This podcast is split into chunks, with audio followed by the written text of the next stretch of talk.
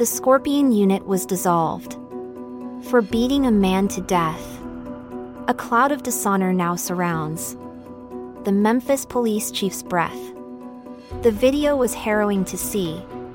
It renewed calls for change. The community leaders and family all called for the unit to be estranged.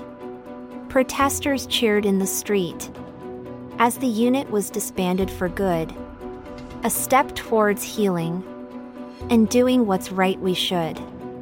Though the unit had noble aims to restore peace in our streets, it's clear that the actions of a few were not in line with what's right and neat.